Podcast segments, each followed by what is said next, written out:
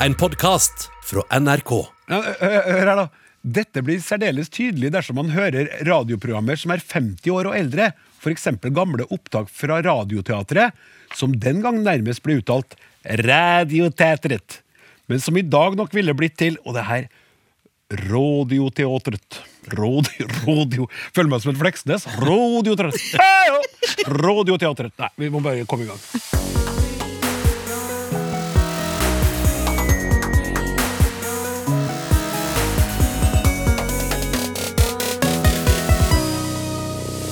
Kan det stemme at at er på vei ut av språket vårt? Hva betyr egentlig å aldri gi seg på pris? Har du lagt merke til at A blir til Å, E blir til Ø og U blir til O? Og funker det å si at man bor i et funkishus? Det er klart for Lytterspørsmål spesial!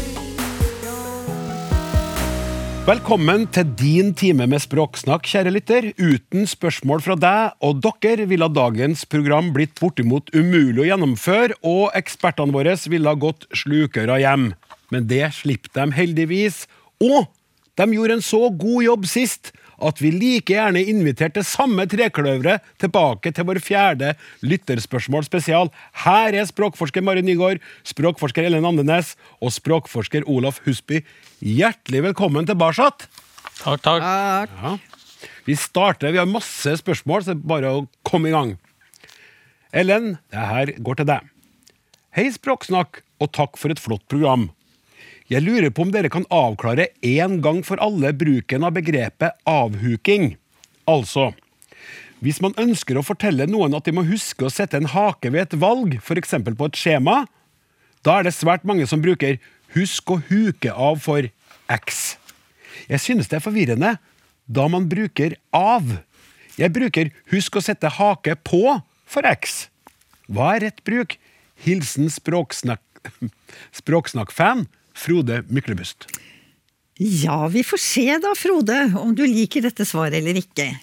Altså, Jeg syns det er ganske morsomt at verken avhuke eller huke av står i Verken i eh, bokmålsordboka, nynorskordboka eller Det norske, det norske akademis ordbok. Nei?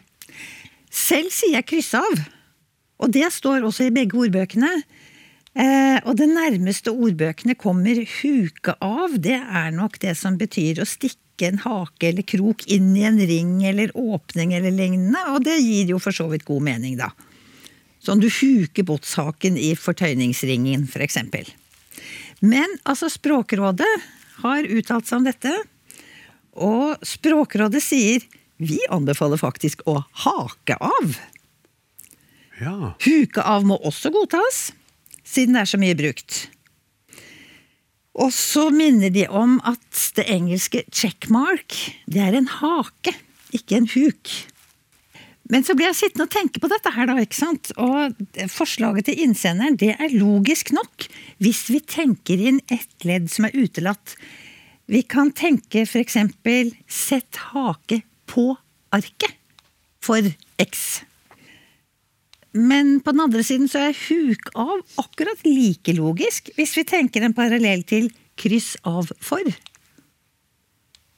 Og det sentrale poenget det er vel kanskje at det er eh, forskjell på en formulering med et verb, altså kryss eller huk eller hak av for, eller et substantiv, sett kryss eller hake ved. Vår innsender foretrekker altså å sette hake på. Og selv om ikke det står i ordbøkene, så tror jeg det går bra. Supert. Da setter jeg et kryss ved det spørsmålet, for det er vi ferdig med. Olaf, her har vi en fin e-post som jeg tenkte du kunne få begynne å svare på. Hei! For en stund siden var det en lytter som fortalte at hun hadde observert at lyden Y stadig oftere dras i retning av I. Dere forklarte dette med at det er en vanskelig lyd som mange av våre nye landsmenn og kvinner strever med å få til. Men jeg er ikke sikker på om innsenderen ble helt tilfreds med den forklaringen. For jeg, og mange med meg, har i flere år hørt det samme, og det dreier seg ikke om et problem for folk med andre morsmål, og heller ikke om dialekter sør i Hedmark. Nei, tar jeg ikke feil, så hører dette fenomenet særlig ofte hører jeg dette fenomenet særlig ofte blant folk som snakker pent oslomål. og kanskje særlig blant jenter, kvinner? spørsmålstegn. De kan ha fått nye venner, hørt noen merkelige lider, eller bittet julegaver. Kan det være en slags motesak? Slikt skjer jo, og det blir ofte varig. Spennende med språk i endring. Tenk bare på østfoldsk L. Kan du si den, Ellen? L. L, ja. Takk. som nå brukes av ungdom over hele Østlandet. Hilsen nok en lytter som synes språksnakk er et godt og morsomt program. Arne Reidar Hånsu. Oh, jeg kom meg gjennom det. Olaf, nå må du ta over. Dette er et uh, fenomen som ikke er kjent for meg. Jeg har ikke hørt nordmenn uh, som har, med unntak av de du nevnte, Solør og, og, som, og innvandrere, som bytter eh, Y med I. Eh, så det, det, kan være, det kan godt være et, et, et motefenomen. Vet ikke, Ellen, du som er sørfra, har du hørt det her? Må du huske på at jeg er nå trønder på 41. året. Men, men jeg tror ikke egentlig at innsender snakker om å bytte ut lyder, men at y-en trekkes mer i retning i. Altså, ja. At det er grader. Det er en bevegelse her. Ja. Da da snakker vi om uh, fonetikk, og det er jo litt interessant. Hvordan gjør man når man trekker en Y mot I? Hva er forskjellen på Y og I? Jo, det er jo lepperundinger. Og det er jo eh, Det må antagelig være sånn at man kanskje uttaler kanskje en mindre distinkt runding som gjør at de to lydene akustisk sett blir litt mer lik. Og på et eller annet tidspunkt så oppleves da den nye Y-en, som kanskje har spor av runding i seg, mer som en I. Men det her må man antagelig gjøre finere målinger på, rett og slett. For det her handler om frekvenser og, og millisekunder og andre ting. Altså, Jeg mener jo at det her åpenbart er et område som det bør forskes på. Det Og det finnes jo massevis av språkforskere som sikkert hungrer etter nye forskningsoppgaver, og kan søke om eh, midler til å finne ut hva som har skjedd med den eh, Y-en. Hva som foregår med Y-en i visse miljøer og i visse områder i Norge. Bare for å ta et skritt tilbake. Norsk er jo litt interessant. eh, eh, alle språk har, en, har vokaler som uttales med runde lepper. Og de vokalene de er som regel bak i munnen. O, U. Norsk har òg runde vokaler framme i munnen, som Y og Ø. Og på toppen av alt så har vi to runde, to måter å lage runding på. For vi kan jo si vi kan først si Y, leppen ut, og så kan vi si U med leppen inn. Veldig sjeldent i verdensspråk. Prøv det sjøl, kjære lytter, for det er veldig artig å se på Olaf nå. Jeg kjenner det sjøl. Y får så litt sånn nebbe, nebbe Ja. og U, U nedover. Ja, ja. Og, og så har du den tredje posisjonen som er nøytral. Så hvis man tenker litt stort at kanskje er det noe utvikling i norsk, så kan det være at nettopp allerede på de tre artikulasjonene på en, eh, en plass i munnen forenkles. At kanskje Y smelter sammen med I. Dette blir veldig hypotetisk. Så sitter vi igjen med, med I og U. Ja. Og så er jo spørsmålet er det her, hva skjer med E og Ø? Hvis I og Y går, går E og Ø. ja, det skal vi komme, skal komme tilbake til. Plutselig så har vi ikke et, et, et nivokalsystem lenger, vi har færre. Ja. Interessant. Interessant. Ja. Takk skal du ha. Um, hei! NRK melder at Andrea er tilbake på hesteryggen en måned etter hun mistet foten. Hva skjedde med etter at hun mistet foten? Jeg har sett flere slike eksempler i det siste. Er det lille ordet 'at' på vei ut? Kanskje inspirert av engelsk 'after she lost her leg'? Det hadde vært artig å høre hva språkforskeren har observert, og om det finnes andre lignende tendenser. Vennlig hilsen Ingunn i Bægen. Mari, Ja, vær så god. Ja øh, og det atta som en subjunksjon som innleder leddsetninga, det er jo helt vanlig det er egentlig at den øh, er til stede, eller at den ikke er til stede. Det er ikke så veldig nytt akkurat det, men øh, og vi har eksempler der, den, der det er på en måte ja, begge, begge mulighetene er likeverdige. Da. Vi kan si at øh, ja, hun mente at skolen var dårlig, eller vi kan si hun mente skolen var dårlig. Og ingen av oss reagerer på om det, at det ene er bedre eller dårligere enn det andre. Men, eh, men hvis vi f.eks. putter inn et, eh, ja, et adverbial imellom der, sånn at vi sier hun mente helt ærlig at skolen var dårlig. Da blir det vanskelig å ta bort at. For da blir det 'hun mente helt ærlig skolen var dårlig'. Den skurrer i hvert fall mer for meg. Og det virker sånn på dere andre òg. Eller hun mente, hun mente oppriktig skolen var dårlig. Den er litt verre. Den, det er jo sånn med språkeksempler at Jo flere ganger vi hører dem, jo mer syns vi de høres ok ut. da, Så da stopper jeg der. Og så er det noen andre grammatiske mønster som ligger bak her og styrer litt. da. Um, sånne at-setninger, sånne leddsetninger, de kan opptres i um, alle steder der vi kan ha substantiviske ledd, for å si det sånn, da. For eksempel så kan vi ha det helt i starten av en setning. Vi kan ha 'at du er snill', er det ingen tvil om. Da kan vi ikke ta bort 'at' heller. Da, vi kan ikke si 'du er snill', er det ingen tvil om. Men eh, vi kan eksempel eh, si Per tror jeg at vi liker språk, språksnakk, og der kan vi helt fint ta bort at. Per tror jeg vil like språksnakk, der er det faktisk kanskje bedre uten at.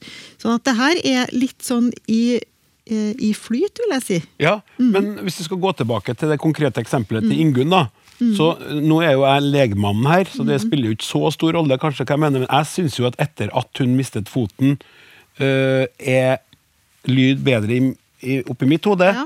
enn etter hun mistet foten, som høres ut som at man har glemt av den atten. Sånn som jeg ser det, da. Men igjen, Ja. det er jo en mening, og jeg antar at dere vil da si, som de språkforskerne dere er, at begge deler er greit, og det handler litt om hvem som øynene som skjer, og hvor du kommer fra, og språket i utvikling, og ting er i flyt, og sånn var det før, og sånn er det nå, og i morgen vet ingen hva som skjer med at. Jeg tuller litt med hva, hva, hva, er Det svaret ja, det vil vi. Vi skal jo leve av forsk på det her, så det ting må jo endres. Ja, det er kjempebra at det endrer seg. Skal vi bare si at vi stopper der? Vi kan eh, si vi stopper der, ja. Ja. Språksnakk med Klaus Sonstad. Ja, nå er vi godt i gang med lytterspørsmål spesial med et eh, eh, forskerpanel som har vært med tidligere, og som er i storslag også i dag. Eh, Mari Nygaard, Ellen Andenes og Olaf Husby er alle språkforskere. Svarer nå på dine spørsmål innsendt til snakk krøllalfa nrk.no. Nå skal jeg bare bla rett i papirene mine, så vi får lest opp det riktige eh, spørsmålet her. Ellen, er det et eh, en kort, liten e-post, men den den det her er godt sett. Jeg, synes jeg, jeg er spent på hva du vil si. Hei! Takk for opplysende, humørfylt og sprekt program. Dere må fortsette! Det skal vi prøve å få gjort. Så til mitt problem. Det gjelder Kiwi og deres annonse 'Vi gir oss aldri på pris'. For meg som privatperson ville dette bety, om jeg sa det, at jeg ville ha høyest mulig pris. Enig? Hilsen fra Kirsten, som stusser hver gang jeg ser oppropet som har satt i sånne gåseøyne eller klammetegn. Ellen, vær så god. Ja, takk for det spørsmålet. Det var morsomt. Og det er morsomt fordi at det aktualiserer to ting på en gang. For det første spørsmålet om perspektiv. Hvem sitt perspektiv er det vi snakker fra og lytter fra? Og spørsmålet om kontekst. Altså sammenhengen noe blir sagt i. Og her, det er selvsagt, vi har et kjøperperspektiv og et selgerperspektiv. Eh, og Kirsten hun snakker som hun skulle selge bunaden sin på Finn. Jeg selger den ikke hvis jeg ikke får den prisen jeg vil ha. Ikke sant? Jeg gir meg aldri på det. Ingen prutting, altså. Så skal det bli noe salg, så er det kunden som må gi seg. For hun kommer ikke til å gjøre det. Og hvis det er sånn hun hører at Kiwi snakker, så er det klart Vel, vel. Altså, de vil ha høyest mulig pris, men det vet vi, det stemmer jo ikke. Og da må vi se på konteksten, da. Eller ytringssituasjonen, om du vil. Eh, Kiwi snakker som selger og til kunder, men samtidig inn i en sammenheng der Kiwi konkurrerer med andre dagligvarekjeder. Sånn at det de roper her i slagordet sitt, det er 'vi klarer å presse prisene ned mer enn noen av de andre klarer'. Ja. Og da blir det noe annet. Og altså Perspektiv er jo veldig viktig. Kontekst er alltid viktig. Brukssammenhengen. Perspektiv er også viktig, og det er ikke alltid så lett. Tenk nå på tester, eksempel. Hvis du nå eksempel skal ta en graviditetstest eller en koronatest, og så får du vite at den er positiv, så kan du faktisk lure på hva det betyr. eh, positiv for hvem, liksom? Så takk for spørsmålet, og tenk mer på perspektiv og brukssammenhenger. Ja. Bra! Eh, da fortsetter vi. Hei, og takk for lovende oppfølger til Språkteigen. Fint at NRK velger å videreføre språksatsingen i radio og utvide den til en hel time. Gjennom TV og radio mener jeg å ha registrert at vokallydene i østnorsk tenderer mer og mer over, over mot mer åpne vokaler, vil si at A blir Å, E blir Ø, Æ blir A, U blir O, osv. Og her kommer det som jeg prøvde å lese opp i starten av sendinga, som gikk sånn passe. Dette blir særdeles tydelig dersom man hører radioprogrammer som er 50 år og eldre, f.eks. gamle opptak fra Radioteatret, som den gang nærmest ble uttalt Radioteatret, men som i dag nok ville Nå begynner du å flire, Olaf. Blitt til Radioteatret. Og det høres svensk ut. Jeg innser det. Jeg innser det. Du, du får prøve å si det. Om det fremdeles har vært blant oss, det er jo, det er jo lagt ned nå. Som det var. Eller ta en dialog som denne. Er du hjemme mandag? Ja, det er jeg. I tidligere tider ville dette antageligvis blitt uttalt omtrent slik. Er du hjemme mandag? Ja, det er jeg. Ja, det er jeg. Ja, det er jeg. Er du hjemme mandag? Ja, det er jeg. I dag vil han muligens kunne høre det i retning av dette. Er du hjemme mandag? Ja, du er jeg. Det er jo tris mye diser i pihibli flis. Nei, det her, det her skal du få ro i land etterpå, Olaf. Ja. Og flere meteorologer snakker på værmeldingen om regn og regnbyger. Regn og regnbyger. Der de tidligere omtalte det som regn og reinbygger. Regn, regn og reinbygger. Regn og reinbygger. den fikk jeg til bedre. Spørsmålet er om dette er en tendens som ekspertpanelet i Språksnakk har merket seg, og kanskje også har noen tanker om årsaken til, med hilsen Asbjørn Ruud Vadsø. Asbjørn, jeg beklager at jeg ikke har klart å gjengi ting sånn som du kanskje hadde håpa, men jeg håper at Olaf kan gi et svar som gir mening. Ja, altså Vi hørte jo en, en reise i tid her? Radioteatret for, for 50 år siden. Uh, bare sånn litt på siden, Vi kan gjøre en geografisk reise i, i norsk fra Oslo i dag, hvor man sier A, og kjenner på Stavanger. Så har de jo den her uh, A-en som du Stavanger. Ja, ikke sant? Ja. De sier jo ikke at de bor i Sta, men Stæ. Så vi har den A-en i bruk i norsk. Det som uh, Det er kanskje et litt komplekst bilde. For det første, i norsk vi har jo egentlig to A-er. Vi har en kort A og en lang A. Og hvis vi går inn og gjør veldig nøye målinger på de, så ser vi at den korte A-en den ligger mye nærmere den her eh, radio, tea. Den ligger litt, litt, litt lenger fram i munnen, mens den lange den er bak. Ja. Sånn at, eh, og, og det er nok Hvorfor har den flytta bak? Jeg, jeg tror det er for å bruke et eh, begrep fra språkvitenskapen, en dissimilasjon. Vi vil gjøre den forskjellig. Vi flytter den bak. Aha. For den her fremre æ, den står jo i fare for å smelte i hop med æ. Så da skyver man det her bakover, så da får vi den norske a-en mye lenger bak. Og I norsk er det vel sånn at de aller fleste vokaler, uavhengig om de er kort eller lang, så er de like. Du sier Siri, det er omtrent samme lyden. Solo, samme lyden. I Nord-Trøndelag ligger Vuku, samme lyden. Et unntak, og det er når vi kommer til E. Du sier ikke lese, men lese. Hva heter saga på svensk?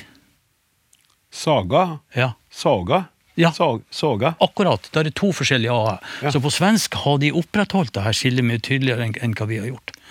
Så i års, jeg tror egentlig så er det altså en Opphavet her er en redsel for å sammensmelting med æ, så gjør man a-en tydeligere, så flytter man den bak. Ja. Og eh, åpenbart så, så altså en tid, en periode av norsk, så var det her en akseptabel måte å snakke på. I dag vil vi bare gjøre det litt tydeligere. Så hender det kanskje eh, de som, de som har sett eh, sånn såkalt vokalfirkant, de vet at A-en den ligger nede i høyre hjørne. Og når du pakker ting nede i høyre hjørne, det betyr at du har munnen helt åpen. Tunga helt bak. Hvis du skal overkompensere og gjøre for mye av den, så må det nesten gli oppover, og da begynner du å nærme deg Å-en. ja. Så da får du ra, radio, tja, tja. Og det blir nesten en Du får en sånn å-klang uten at du behøver å begynne å, å runde leppen. Og de her eh, eh, altså Jeg har jo en parallell til det her. Altså Det betyr jo at språklyder på en måte glir rundt. Jeg har en veldig eh, parallell til det i, i min dialekt. Når, når du vil si eh, mitt, altså mitt hus, så vil jeg si mitt hus. Eh, men, du, du, men la oss si jo Ellen, da. Hun vil si mett. Det betyr full av mat i magen. Ja. Ja, men i og med at mett er opptatt av å bety mitt, så må jeg flytte min Ja. magefølelse og bli mett. Så vi har fått en sånn forskyving. Og de her, de her forskyvingene de, de er helt naturlige. altså språk, vi, vi vil ikke at ord skal falle i hop, holder de unna hverandre. Da må du foreta sånne forskyvninger. Og uh, uten å, å, å, å gjøre noe historie av det Dette er jo en av grunnene til at f.eks. girl på engelsk skrives girl. For uttalen har forandra seg etter at bildet ble, eller at ordet ble skriftfesta. Ja. Så det skjer en sånn endring av vokaler som er knyttet til de enkelte ordene. Takk. Da går vi videre til et tema som eh, slenges ut til hele panelet. Altså det vi har eh, internt her kalt fellestema, folkens. Hei! I lengre tid har jeg latt meg provosere av at ordet uforventet oftere og oftere blir brukt av alt fra idrettsutøvere til kommentatorer. Eksempel Det var en helt uforventet seier av etter lang tids provokasjon over dette tok jeg det opp rundt en familiemiddag og møtte uventet mye motstand. Jeg kommer fra en familie av generasjoner med lærere, og middagen ble nesten litt utrivelig under diskusjonen. Så jeg håper Språksnakk kan hjelpe oss med å legge ballen død. Jeg er imponert over at den skriver 'hjelpe oss', at den ikke tenker på For det heter vel uventet og ikke uforventet. Tar jeg feil, skal jeg bøye meg i hatten og be resten av familien om unnskyldning. Enda hvor uforventet det måtte være. Og Der kom det en ganske uforventa pling fra en mobil som ikke var slått av, og det var min. Så da slår jeg av den, og så ber jeg om at dere svarer på spørsmålet fra Andreas Altermark. Hvem vil begynne? Mari? Ellen? Ellen. Olaf? Ja, jeg kan godt begynne. Ja? Eh, altså Det er litt både og her. Sorry, men sånn er det bare. Sånn er det ofte med språk. Eh, for ikke så veldig mange år siden så vil det være entydig at forvente noe, det er noe gledelig. Det er det som står liksom i ordbøkene. Eh, og det henger jo sammen med forventninger. ikke sant? Du må ikke ha for høye forventninger og sånn. Eh, Da er det noe positivt som skal komme. Men så står det også i ordboka at i nyere norsk kan det også brukes eh, kan man også bruke 'forvente' om noe negativt. Da får vi jo en motsetning mellom substantivet 'forventninger' og verbet 'forvente'. Eh, og vi hører jo også her at ordboka liksom registrerer hva som skjer i språket, og ikke bare normerer. Men altså, jeg føler med innsenderen, og jeg er nå litt usikker på hvordan de skal ordne dette ved familiemiddagen. ja. Hva tenker dere andre? an? Ja, for meg, jeg, jeg, jeg føler en liten forskjell på innholdet i vente og forvente òg. Altså at vente, jeg seier i, i, i kampen. Det er på en måte det er større sannsynlighet for at det kommer til å skje. Mens forventer inneholder kanskje litt mer Jo, sannsynligvis, og jeg ønsker at det skal skje, men ikke så sterke som venter. Nei, jeg er enig i det. At det er ja, en liten betydningsnyanse der. At eh, vente, da er det Ja. Da venter du på at det skal at det er et tidsperspektiv, at det skal inntreffe. Men jeg forventer, da er det mer en sånn ønske, en mer modalitet i det. Da Hvis vi snur det, da. Uventa, uforventa. Da må det jo være en nyanse også her, da, eller? Eller må ikke det, da, men er det det? Ja, det blir jo på en måte negasjon av vente og forvente. Helt rimelig å sette en U framfor dersom du skal ha motsatt betydning. Altså. Ja. Samme forskjell mellom uventet og uforventet som mellom ventet og ventet, bare den første får du et negativt. Hva ville du, hva, hva ville du sagt til Andreas da, Olaf? Han skal, han skal i familiemiddag nå, så skal han komme og Han har jo lyst til å slå i bordet med at Eller har lyst til å sette på språksnakk, spille av det her, og så si Hva var det jeg sa? Kan en gjøre det? det? Det virker ikke sånn på deg, Ellen. Ja, da må han si eh, Da må han faktisk si at 'jeg har mest rett, men dere har òg litt rett', og dere er på parti med framtida. Og det var uforventet. Ja, det var veldig uforventa at du skulle si det. Det var nesten dårlig gjort. Unnskyld. Men går det noe, er det, Nå eh, spekulerer jeg litt, da, men eh, det er vel et litt vanligere ord i engelsk, det her med 'unexpected'. Så det er mulig at det er noe slags påvirkning men det som kommer inn der. Ja, Expect har mer forventa enn vente, men jeg vet ikke. Jeg vet ikke, Det er veldig veletablert ord i norsk. Ja, det er jo det. Ja. Men eh, ja. Jeg, jeg har ikke sett det brukt noe mye, for meg kom det litt sånn eh, ja, uforventa. Ikke jeg har hørt noe mye. Uventa mer. Men uh, uansett, interessant å høre dere diskutere det. Vi skal kjøre i gang et uh, fellestema til, siden dere nå har blitt uh, varme i fellestrøya. uh, hørte nettopp Dagsnytt 18. Det viser til et Dagsnytt 18 den 29. mars. En deltaker brukte talemåten 'medial oppmerksomhet'. Jeg ville følt det mer naturlig og derfor mer norsk å si medieoppmerksomhet. På lignende måte ser jeg at trafikale problemer overtar for trafikkproblemer. Kjepphest nummer tre er familieforhold, familieproblemer etc. kontra familiære forhold, familiære problemer. Akkurat den bruken føler jeg er en misforstått oversettelse av engelsk 'familiar', som jo betyr ca. kjent og slett ikke noe med familie. Familiar relations betyr jo noe helt annet enn family relations, men de kan også omtales som familial relations.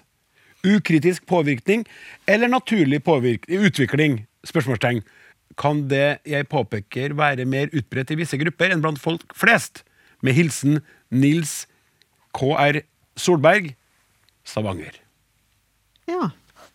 Jeg kan starte litt. Det var mange temaer egentlig fletta inn i. Eller ikke mange, men beslekta temaer fletta inn i hverandre. Så vi starta å nøste i én en ende, tror jeg, så får dere henge dere på. Det her med al-endinga, vi kan starte her da, med medial, eh, som jo er en type avledning som man kan danne adjektiv med. Som vi finner i ja, katastrofal og global og sakral. En sånn type latinsk. Og så er det godt mulig at det brer om seg. Eh, men eh, jeg vil nå ikke, som alltid, da, komme inn på det her at er det noen type nyanseforskjell i det her? det er ofte dit som, som, eh, som oppmerksomheten min går. da, og jeg registrerer f.eks. det her med alle ungdommer går jo nå og tar trafikalt grunnkurs. Det er jo et etablert begrep. Mm. og Det handler om noe som er om det trafikale. Om trafikale forhold. Men så handler det også om trafikken, men vi sier, vi sier et trafikkproblem når det er et mer konkret problem med et eh, spesifikt sted i trafikken. Der er det et trafikkproblem knytta til det og det krysset der og der. Mens et trafikalt problem er kanskje litt mer overordna. Kanskje. I min ungdom så jobba jeg som vikar på postkontor, og der husker jeg vi snakka om Det fantes til og med en postal ordbok, husker jeg. Som var veldig flott, da. Og der snakka man om postale forhold. Eh, Som da handla om det liksom postkontorforordningsmessige. Men eh, ja. Ja, og Trafikal er i hvert fall brukt så tidlig som i 1939, så noe flunkende nytt er det ikke. Det er helt sikkert. Eh, ellers er nok jeg langt på vei med, enig med innsenderen at det blir Jeg har ikke tenkt så mye på de nyansene som du eh, nevner, Mari, men jeg hører at eh, det kan nok være et godt poeng. Men jeg syns ofte det blir litt tungt, da. Ja. Eh, og kanskje litt overflødig. Eh, og så tenkte jeg bare som et morsomt lite apropos, vi har jo kolonialvarer, ikke sant? Som egentlig er varer fra koloniene.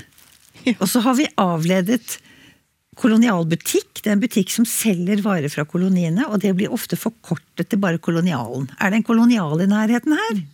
Og tenk om vi da bare hadde brukt koloni! Vi kunne jo godt ha gjort det. Ja. Ikke sant? Kolonivarer. Det er det noen koloni i nærheten her? Nei, det går jo ikke. Det går jo ikke. Men så kan vi legge til når det gjelder det med familiær, mm. at der kan det bli tvetydigheter. Da sjekket jeg Det norske akademis ordbok igjen, og de oppgir faktisk fire betydninger i norsk av familiær. Det var mer enn jeg hadde regna med. Men hør nå, da. Nummer én den dreier seg om å høre til en familie. Nummer to er at noe er uformelt. Ibsen skrev at han tror at dette berettiger ham til en familiær tone imot meg. Nummer tre er fortrolig, en fortrolig tone. Eh, og det kan også være da for fortrolig, ikke sant? Og det er jo nær på det som innsenderen skriver om, altså det å være vel kjent med. Og det har vi faktisk i Teknisk Ukeblad i 1984. Nå, og det er så søtt å lese det nå. Nå er millioner familiære med bruk av datamaskiner. Ikke sant? Så har vi den fjerde betydningen. Det er i medisin, og det er altså en familiær risiko for brystkreft, f.eks. Ja, så det, det er mye her. Det er mye å velge mellom, kan man si. Eh, ja, stillmessig Stilmessig kan jo òg observere at altså, det ene er sammensetning, det er ett ord. ikke sant? Og det andre er faktisk eh, to ord. Som gjør øh, Og det kan òg ha en betydning i vurderinga av det her. ikke sant? Det, det vi, familieforhold er jo det ene ordet som vi har vært vant til, og så får du da nå plutselig to ord. Så det men kanskje løfter du stilen jeg vet ikke, inn i jussen, inn i byråkratiet, ved å si familiære forhold. Men ellers så strever jo byråkratiet nå stort sett med å jeg holdt på å si, løfte seg ned igjen. Ja, ja. Altså, og har dere tenkt på, syns dere at man kan si familiære hemmeligheter? Det skurrer voldsomt i mine ører. Ja, det Ja, skurrer Familiehemmeligheter. Ja, enig. Enig. Og så syns jeg, da, hvis jeg får lov til å, å si det, at medial oppmerksomhet, hvis vi går tilbake Ja, dit, ja. så syns jeg det er å slenge om seg med litt sånn finere versjon av eh, medieoppmerksomhet, eller eh, Der syns jeg man begynner å skal gjøre det til det, Altså igjen, uh, understreke det. Min eh, Men det er litt det jeg mener jeg òg, at det er stilmessig. Det er litt pynt, på en måte. Litt pynt. Ja. Pimpe språket litt, Ja. kunne Ja. vi si. Ja. Nei, men eh, skal vi si at den er i boks? Det gjør vi. Vi går videre.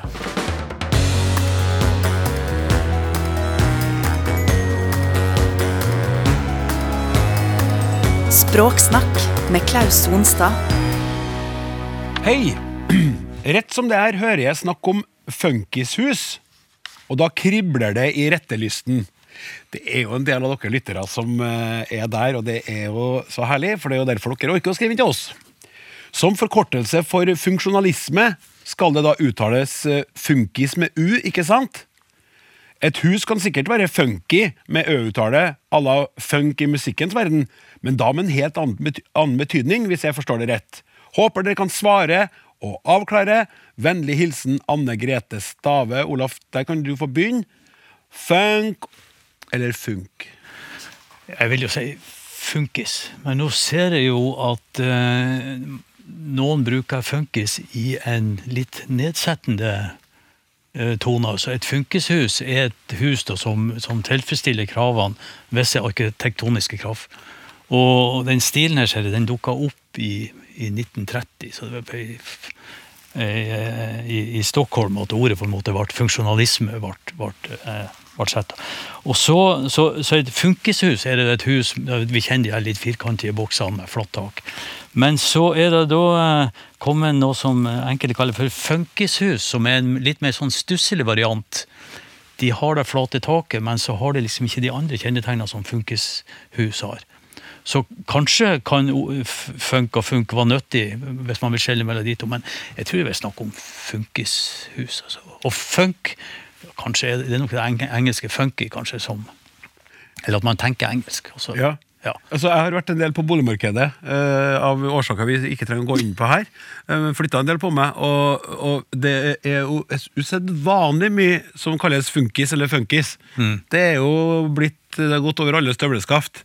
Og da tenker jeg at uh, hvis folk sier funkis eller funkis og er boligleitere, så er det ikke noe skille på nedsett Da tenker man bare å, det er sånn funkishus. Mm, funkis. Mm, mm. Så sier man det eventuelt feil hvis man sier funkis eller skriv Skriv med Ø, da. Ja. Ellen? Jo, det tror jeg også. Og altså, vi lånte jo inn ordet fra svenska, og det var funkis og arkitektur i motsetning til traddis. Det kom veldig fort. Og det ble jo fort akseptert, og da må vi jo skyte inn at uh, uh, den tidlige funkisen var uh, litt annerledes enn den vi har nå. Men så tenker jeg at nå er jo folk veldig vant til at alt mulig av fremmed ordtilfang, det, er, det har vi lånt fra engelsk. Og jeg hørte faktisk en kulturjournalist i en herværende kanal som snakket om den franske romanen Madame Bovary. Men uttalte det konsekvent som Madam Bovary. Ja. Eh, og det forteller jo akkurat at ja, men det er fremmed, så det er. Sikkert engelsk. Og det kan jeg jo. Men så er det jo eh, Altså, svensker bruker jo IS som en sånn produktiv endelse ikke sant, for å lage nye ord. Eh, men funkis brukes jo også med flere betydninger. Det er ikke bare arkitektur. Funkis brukes om mennesker med funksjonsvariasjoner eller funksjonsnedsettelser. Eh, Det brukes både i Sverige og i Norge. Og i Norge så har Funksjonshemmedes Fellesforbund de har sitt eget studieforbund, og det heter rett og slett Funkis. Og jeg har aldri hørt ordet i den betydningen bli uttalt med noe ø. Nei, for der er det ikke snakk om et innlån heller, da. Kanskje ikke. Det er ø, veldig godt poeng. Eh, og så kommer jeg på at det kanskje er det sånn at man har sagt, har jeg sagt, at man kommer inn til et sted og så lukter det litt rart, så sier man her lukter det litt funky. Har noen av dere kjent på det? Nei, den kan vi, vi, vi, vi, går, vi, vi går ikke videre inn i den. Vi, vi bare går videre. Hei! Jeg reagerer på bruken av ordet målsetning i betydningen å sette seg et mål. Der ordet målsetting eh, Så mangler jeg kanskje et ord jeg burde vært brukt, eller skulle vært brukt. Jeg oppfatter ordet målsetning som en setning på nynorsk. Spillefjes hva er korrekt? Med vennlig hilsen Jannike Neb. Ja, altså om det skal hete målsetning eller målsetting, det er vel eh, på sett og vis litt forskjellige ting, da. Vi kan jo lage sånne ord, eh, det som kalles verbalsubstantiv, av nesten alle verber, at vi setter til ing, eller noen ganger ning, og i gamle dager også else i riksmålet. Altså bading, hopping, dansing og sånn. Og da skiller vi gjerne mellom de som beskriver prosessen, altså badinga, og de som eh, Eller bygginga, og de som betegner produktet. Så bygging fører til en bygning. Men det er ikke alltid sånn, ikke sant? For det er ikke sånn at bading fører til en badning. Det er ikke det, og gjesping fører ikke til en gjespning. Sjelden, i hvert fall. Eh, Nå var Innsenderen var opptatt av målsetting og målsetning, men da skulle det altså være sånn at målsetting det er den prosessen hvor vi setter oss mål, og som munner ut i målsetningen for denne programpostningen, posten for eksempel. Ja, noe sånt. Men personlig så tror jeg da foretrekker det enkle mål. Ja. Der kom vi i mål med det svaret fort og effektivt, Ellen. Takk skal du ha. Mari, i retning deg nå. Hei! Jeg liker ikke at man putter er-endelser overalt i flertall der det ikke er nødvendig. For meg lyder det, lyder det ofte best med ett bevis, flere bevis osv. Altså ikke beviser. Flere beviser. Eh, Arne Øgård skriver der han har tatt opp saken med Språkrådet og fått et fyldig svar der, men han mener at hvis vi først skal snakke om språk, så må jo dette være et aktuelt tema. Det er vi jo så enige med i at vi har tatt med spørsmålene hans i Lytterspørsmål spesial, og nå ja. så skal han få et svar. Ja, det er jo språk vi snakker om, så det er jo høyst relevant, absolutt. Så takk for det. Eh, nei, altså Langt på vei synes jeg, altså, Fornøyelig spørsmål, syns jeg. For at, eh, det er jo en sånn eh, eh, trang til at eh, Hvordan kan vi være mest mulig effektive? Trenger vi den endelsen når vi ikke nødvendigvis må ha den? Og I en del sammenhenger så er jo språk sånn at det kutter ut det som er overflødig.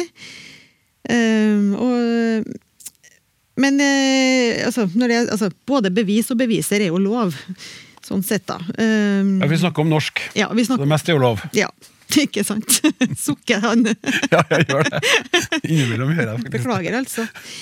Nei, det er jo noen ord som må ha R, da, som, som slutter på, sånn som eple, eksempel. Det må jo, der må vi ha R til slutt. Mens eh, barn, der sier vi jo ikke barner, eksempel. Så ofte er det valgfritt. Eh, for hvis man tenker liksom tilbake i tid, så kunne man jo i, sånn, i, i gamle dager da, eh, så kunne man jo høre ord som f.eks. brever og skjørter. Og det er jo enig i at eh, da er jo veldig på, på lag med innsenderen at det høres jo ganske arkaisk ut å ha den typen eh, endelser. Men så har jeg jo liksom pekt på noen, noen typer eksempler der vi kanskje kan ane en sånn betydningsforskjell mellom hvis vi snakker om flere stoff versus flere stoffer. Eh, å si, hva- Stoffer høres mer narkotisk ut, for, eh, for, eh, for min del i hvert fall. Eller flere ja, flere bryst, flere bryster er kanskje også en sånn type betydningsnyanse som eh, kunne være interessant å trekke inn her. da. Mm. Mari sier sier at, at språk ofte vil gjøre det enklere, men vi ser jo òg at språk mange ganger har en overflod av informasjon som egentlig ikke er nødvendig. ikke sant? At hvis det først er angitt at det er mange, så holder det jo å si bevis. Men på norsk, når vi da har eh, for eksempel et ord som 'den røde boka', så ser vi jo bestemthet både i 'den' og 'røde' og 'boka'. Mens på dansk så klarer man seg med 'den røde' ja, si bok, da. Der har du bo. Ja, og på engelsk så klarer man seg med én. The Red Book, ikke sant? Sånn, og, og, og det er jo massevis av språk som klarer seg uten flertallsendinger. Har du sagt mange, så så holder det jo at du sier bevis eller bok. Du behøver ikke opp å gjenta flere ganger. Sånn at eh, det er jo et, et, et, et, ja, et økonomisk spørsmål òg, men samtidig så sikrer vi oss at informasjonen kommer fram ved å, å legge inn ekstra informasjon. Ja. Jeg ble grunn sittende og tenke på en litt annen ting, ja, fordi du snakket om stoffer. Ja. Så det forbinder du mest med narkotiske stoffer. og av det så slutter jeg at du er ikke sydame. Og du jobber heller ikke i en stoffbutikk. Det er riktig. For du skal ikke lete lenge før du ser reklame for at vakre nye stoffer er kommet inn i butikken. Ja. Hei! I det landet der de snakker russisk og er russere, blir navnet på landet av veldig mange uttalt Russland. Jeg sier Russland. Jeg sier også for eksempel Oslo og islam, mens veldig mange sier Oslo og islam. Hvordan er det blitt sånn? Hvor kommer dette fra? Hilsen Jon Collett i Sandefjord. Jeg kan svare veldig kort med ett ord. Junktur. Takk skal du ha. Vi går videre i programmet. Men vi må kanskje forklare hva det er for noe. Ja, gjør det. Junktur er ei markering i en lydsekvens hvor grensen mellom delene i ordet eh, finnes. Så hvis at du sier for å begynne i norsk, Hvis et ord begynner på SL, så sier vi ikke slå, sleip. Vi sier sj, slå, sleip, slu, beslutte, slipe osv. Hvis at du da sier eh, For å begynne med Oslo. Hvis du eh, har en idé om at Oslo betyr O pluss slo, så blir det Oslo. Hvis du heller tenker på en, en teori om en os i loelv, så blir det rimelig å si Oslo. Og det samme med Russland. Så det vil jo være korrekt å si Russland, for det er russ pluss land. Men for enkelte så, så blir det litt uklart. Altså, du tenker ikke på komponentene i ordet, og da får du fort russ, Russland, som egentlig da blir ru pluss sland.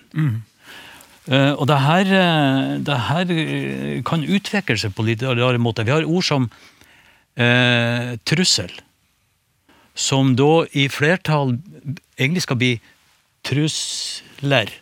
Men så har du SL, så blir det da trusler, og så får du ei tilbakedanning til en trussel. Og eh, du har ordet fengsel, som får verbet å fengsle, og så går du tilbake, og så får du et fengsel. Ja. Så det er re- regler her som er i flyt. Språket er helt presist. Det er bare språkbrukeren som velger å bruke, regler på, bruke reglene på eh, plasser der de ikke burde brukes. Ganske presist du òg nå, Olaf. For det var interessant. Og du sa at det var jung, Junktur. jungtur. Lydlig markering av hvor grenser mellom ord eller morfemer går i stavelsen ordet. Takk skal du ha, Ellen. Nå er det din jungtur. Hei, Språksnakk. Takk for en fin podkast. Det må jeg jo si. Programmet kan jo også lastes ned som podkast. Da er det ofte ekstramateriale med, i alle fall i de ordinære sendingene. Så det er fint at noen også bruker den varianten.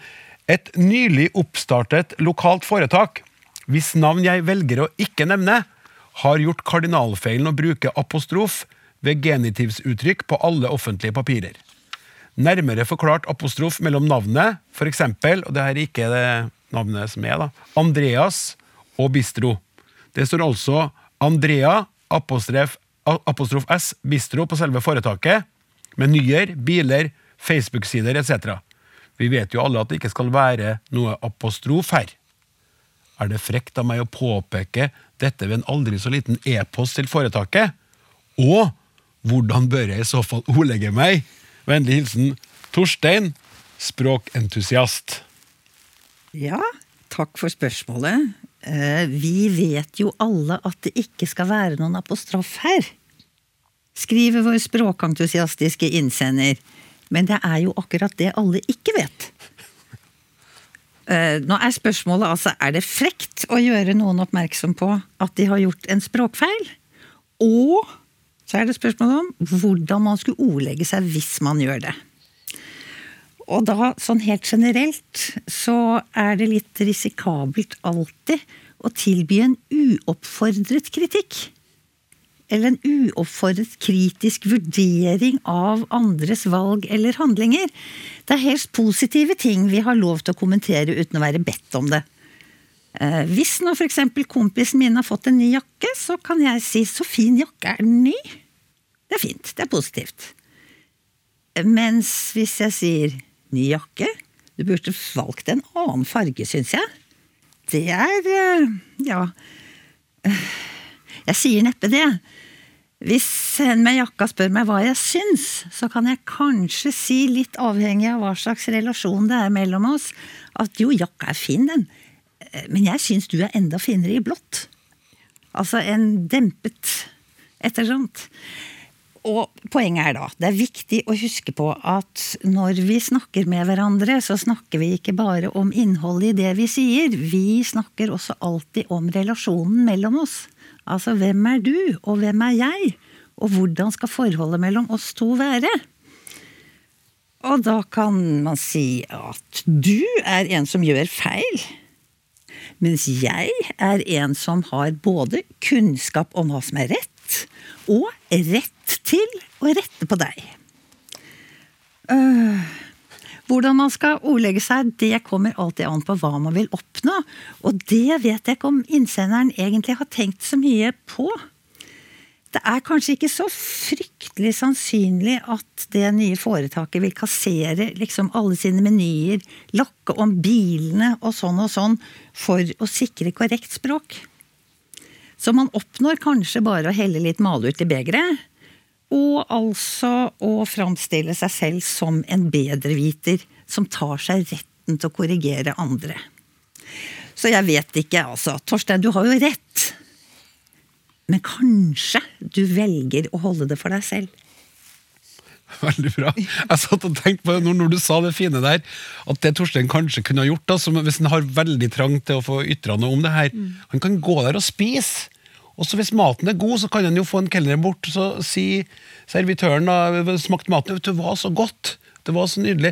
Og så må jeg bare si en litt morsom ting som jeg la merke til. Det at dere bruker jo Dere bruker apostrof på feil måte. Nei, kanskje ikke. Tror at det ville vært Kanskje. veldig morsomt? Ja, det kan, Hva ville han oppnå med det? Nei, det er akkurat det. Jeg hørte det nå sjøl. at Jeg fikk testa det ut. Ja. Og så synes jeg det var morsomt det du sa at uh, hvis, de, ja, hvis noen spør deg om det mm -hmm. Det skjer ikke, helt som ikke for meg den situasjonen at restauranten kommer til å spørre hvordan var det med apostrofen egentlig? ja, jeg tror ikke situasjonen kommer til å by seg. Nei, jeg tror heller ikke Nei. det. Nei, enig. Språksnakk. Her har vi fått inn en eh, e-post fra Jon Gausdal som vi har uh, korta ned litt, eh, men kjernen i det hele er så absolutt eh, med. Hei! Jeg håper dere kan ta opp en sak jeg ser daglig i Adresseavisen og andre aviser. Journalister bruker stadig oftere tallordet og sjeldnere artikkelen i tekstene. Ett tar over for ett. Nå har de begynt med dette for hannkjønnsord også, og skriver én istedenfor én. Noen eksempler. De svarte innen ett år. Antall år presiseres, kun ett. Det minste antallet når år er målestokk. Trykk på ett når du leser. Når man ønsker å presisere antall år som her, må det bety at de svarte raskere enn forventet. Kanskje er tre-fire år normalt. De svarte innen et år. Her er det ikke antallet som er viktig, men målestokken. Trykk på år når du leser. De brukte år istedenfor uker eller måneder. Man vil tro at de brukte lengre tid på å svare enn normalt. Det virker som om journalistene går seg mer og mer vill i dette spørsmålet. De burde heller ha brukt artikkelen i 100 av tilfellene. Så hadde så hadde de forbedret treffsikkerheten betraktelig. Hadde vært interessant å høre programmets mening om dette, skriver Jon, og nå skal han jo få en mening om dette. Mari, vær så god. Ja, eh, det var en morsom observasjon. Og det var jo I de eksemplene som beskrives her, så er det jo helt eh, riktig og godt beskrevet, det språk, eh, språkmessig. Vi kan jo Ja. Det er jo sånn at ett og ett, da. Som når, dere, når jeg sier det høyt, så hører dere at de høres jo veldig like ut. sånn at det er jo ikke så rart at det blandes litt sammen. Ett med én T er en artikkel, mens ett med to T-er eh, er et tallord som sier noe om antallet. Det er jo akkurat det som eh, innsenderen også er opptatt av. Da. Eh, og i skrift så skiller vi det her grafisk med ulike, ulikt antall konsonanter, mens i tale så skilles det med hvordan, hvor vi legger trykket, og hvilket ord i setninga vi legger trykket på, osv. Og så kan man jo si at sånn som innsender, ja, det, det er klart Artikkelen er jo mer i bruk enn et tallord. sånn Statistisk sett, hvis man teller hvor mange artikler som finnes, så vil jeg tro at man finner flere artikler enn, enn man finner tallord. Så sånn sett vil jo selvfølgelig treffsikkerheten gå opp.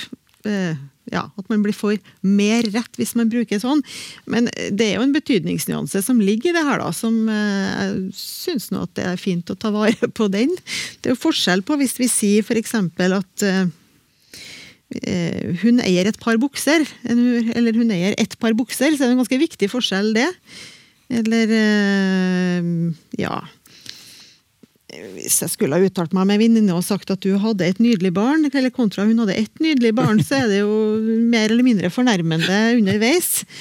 Eh, eller hvis jeg skulle sagt at eh, hun kastet et varmt blikk på ham, kontra hun kastet ett varmt blikk på han. Så det er jo en ganske betydelig en ganske, ganske kjip middag, faktisk. Ganske kjip middag, den andre. Den første var ganske hyggelig, mens den andre ja, kanskje ikke så trivelig underveis. Sånn at eh, her vil jeg jo si at grammatikken bidrar jo absolutt med noe viktig inn for å skille mellom ulike betydninger. Så skal ikke jeg begynne å spå i framtida på hvordan det her vil se ut, og om språket finner andre måter å ta vare på denne nyansen på, men øh, det er noe hvordan, altså, Treffsikkerheten statistisk blir kanskje bedre, men treffsikkerheten på hvor mye riktig eh, innhold du får kommunisert, eller treffsikkert innhold du får kommunisert, den går vel ned, vil jeg si, ved å gi slipp på den her Ja. nyansen. Mm. bitte liten observasjon. Jeg sjekka òg i ordboka rundt det her, og da så jeg det med forbauselse at vi har ett med én T og ett med to T-er. Og vi har én, altså artikkelen uten aksent, og så har vi én tallord med aksent. Men ikke for ei. Så der er det altså et lite hull i norsk. Det står i bokmålsordboka, men i en parentes under. Jeg har sett det i, på trykk, og det ser himla rart ut. Med ei med aksent? Ei med aksent, Ja, ja. det er ser sånn, veldig rart ut. Ja. Men det, det kommer nok kanskje av at i skrift så er hokjønnsord relativt lite representert. Man velger heller hankjønnsord hvis du kan velge. Ja. Men det er sjelden å se. Jeg, jeg tror ikke jeg har sett det i skrift. Ei med Annet i den bokmålsordboka.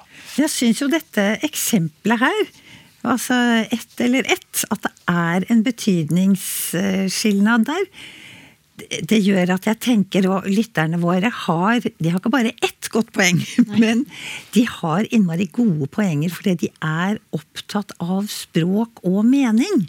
Og det er kjempefint, og det må dere fortsette med å være, folkens. Ellen, det var så fint sagt at det skal ikke jeg gjenta. Det, skal du, for det, var, det, det, det som man sier på um, sosiale medier, det Ellen sa. Olaf, Ja. ah, tunga rett i munnen igjen på meg. En lyd som synes å være i ferd med å forsvinne fra østnorsk, er den halvtykke Ellen med tungeryggen opp mot ganen. Som i alle Bai Som i alle og bai. Var det godkjent? Ja, ja, det er omtrent som i trøndersk. Ja. Ja, så jeg trenger ikke gjøre meg til så veldig. Nei, Nei nettopp. Den såkalte Østfold-Ellen, Ellen, eller Tungespiss-Ellen, ser ut til å ta over mer og mer, spesielt blant de yngre generasjoner. En setning som 'alle vil spille fotball' vil følger bli uttalt med samme L-lyd tungespisell i alle de fire ordene av en yngre person, mens en eldre sannsynligvis vil bruke tungerygg-l i det første og siste ordet. Alle vil spille fotball. Har Språksnakkpanelet en teori om hvorfor denne utviklingen finner sted? Den står på sett og vis litt i motsetning til framveksten av mer åpne vokallyder, eh, eh, og siden det synes å kreve litt mer anstrengelse å lage en trang tungespisell enn en noe mer åpne tungerygg-l-en. Og det er Asbjørn Ruud fra Vadsø som skriver igjen, da. Du verden, her var det Her var det ja, Det ser ut som du Ja. har oversikt. Nå er jo, hører jo han er fra Finnmark, så han har jo han er kanskje godt vant med, med den n-lyden som i mann og han og kan. Ja. Riktignok refererte han til, til Østlandet, og det er jo dialekter der som òg bruker det, men det er jo ikke et, et, et trekk som vi typisk refererer til som østnorsk. Det jo, vi snakker mye om trøndersk, ja, nordvestlandsk, nordnorsk har jo det trekket. Men det som eh, det, det man mener å observere, er jo at folk som sier han og mann og kall det er, jo, det er jo enda flere lyder jeg setter av, men de opplever kanskje de lydene å være med et stygt ord litt, litt bondsk eller litt gammeldags. Så man vil gjerne skifte ut med noe. Og, men så blir det for tøft å skifte ut med lyder som lages med tunga mot tennene, altså han og kan og mann. For det blir for nært uh, Oslo. på en måte. Du, du, du flytter for langt unna. Du assosierer, eller du signaliserer tilhørighet til det sentrale Østlandet. Og så finner man en mellomting. Han, kan, mann. Som sier jeg bruker ikke den gammeldagse 'han kan mann'. Jeg assosierer meg ikke med 'han kan mann' i Oslo. Jeg bruker denne lyden her. Midt imellom. Midt imellom. Men ja, vi kan godt si midt imellom i dette forumet. Eh, Ja. På en konferanse så vil vi bruke helt andre begrep. Ja. ja, Heldigvis er vi ikke på det akkurat nå, eller kanskje det skal ha vært der. Det høres spennende ut. Ellen? Altså, Innsenderen skriver jo også om eh, den såkalte Østfold-Ellen. Mm. Og da er det jo Distinksjonen er jo mellom spille og spille. Og det er, det er eh, Altså, det er jo beslekta. Ja. Men denne utviklingen her, den er jo, tror jeg, ganske typisk for Oslo. De snakker ikke nå lenger om Østfold-L, men om Kjelsås-L. Og Kjelsås er en ganske møblert bydel i Oslo. Og der fenget liksom den L-en. Nå vil de spille fotball. For meg så lyder det som om alle er omtrent fire år og ikke, ikke, ikke er helt framme i språkutviklingen, men man venner seg jo til det. Og da tror jeg òg at det kan veldig godt være en sånn en beslektet ting at spille, eller spille eksempel, ble oppfattet som mer bondsk da, eller bonete, eller ikke fint nok. Og så er det en sånn overregulering av det til eh, Østfold eller Kjelsås L. Det var faktisk det vi rakk i dagens eh, lytterspørsmål spesial. Tusen takk til språkforsker Mari Nygaard, språkforsker Ellen Andenes og språkforsker Olaf Husby. Fikk du ikke svar på ditt innspill, ikke fortvil. Vi har med lytterspørsmål i hver eneste sending, og skal ha flere lytterspørsmål spesial frem mot sommeren. Noe du lurer på nå, etter å ha hørt episoden? Skriv til snakk krøllalfa.nrk.no. Tekniker Martin Våge, produsent Hilde Håbjørg og jeg, programleder Klaus Sonstad. Vi puster letta ut. Vi kom i mål i dag òg. Tusen takk for at du hørte på. Vi snakkes. Du har hørt en podkast fra NRK. Hør flere podkaster og din favorittkanal i appen NRK Radio.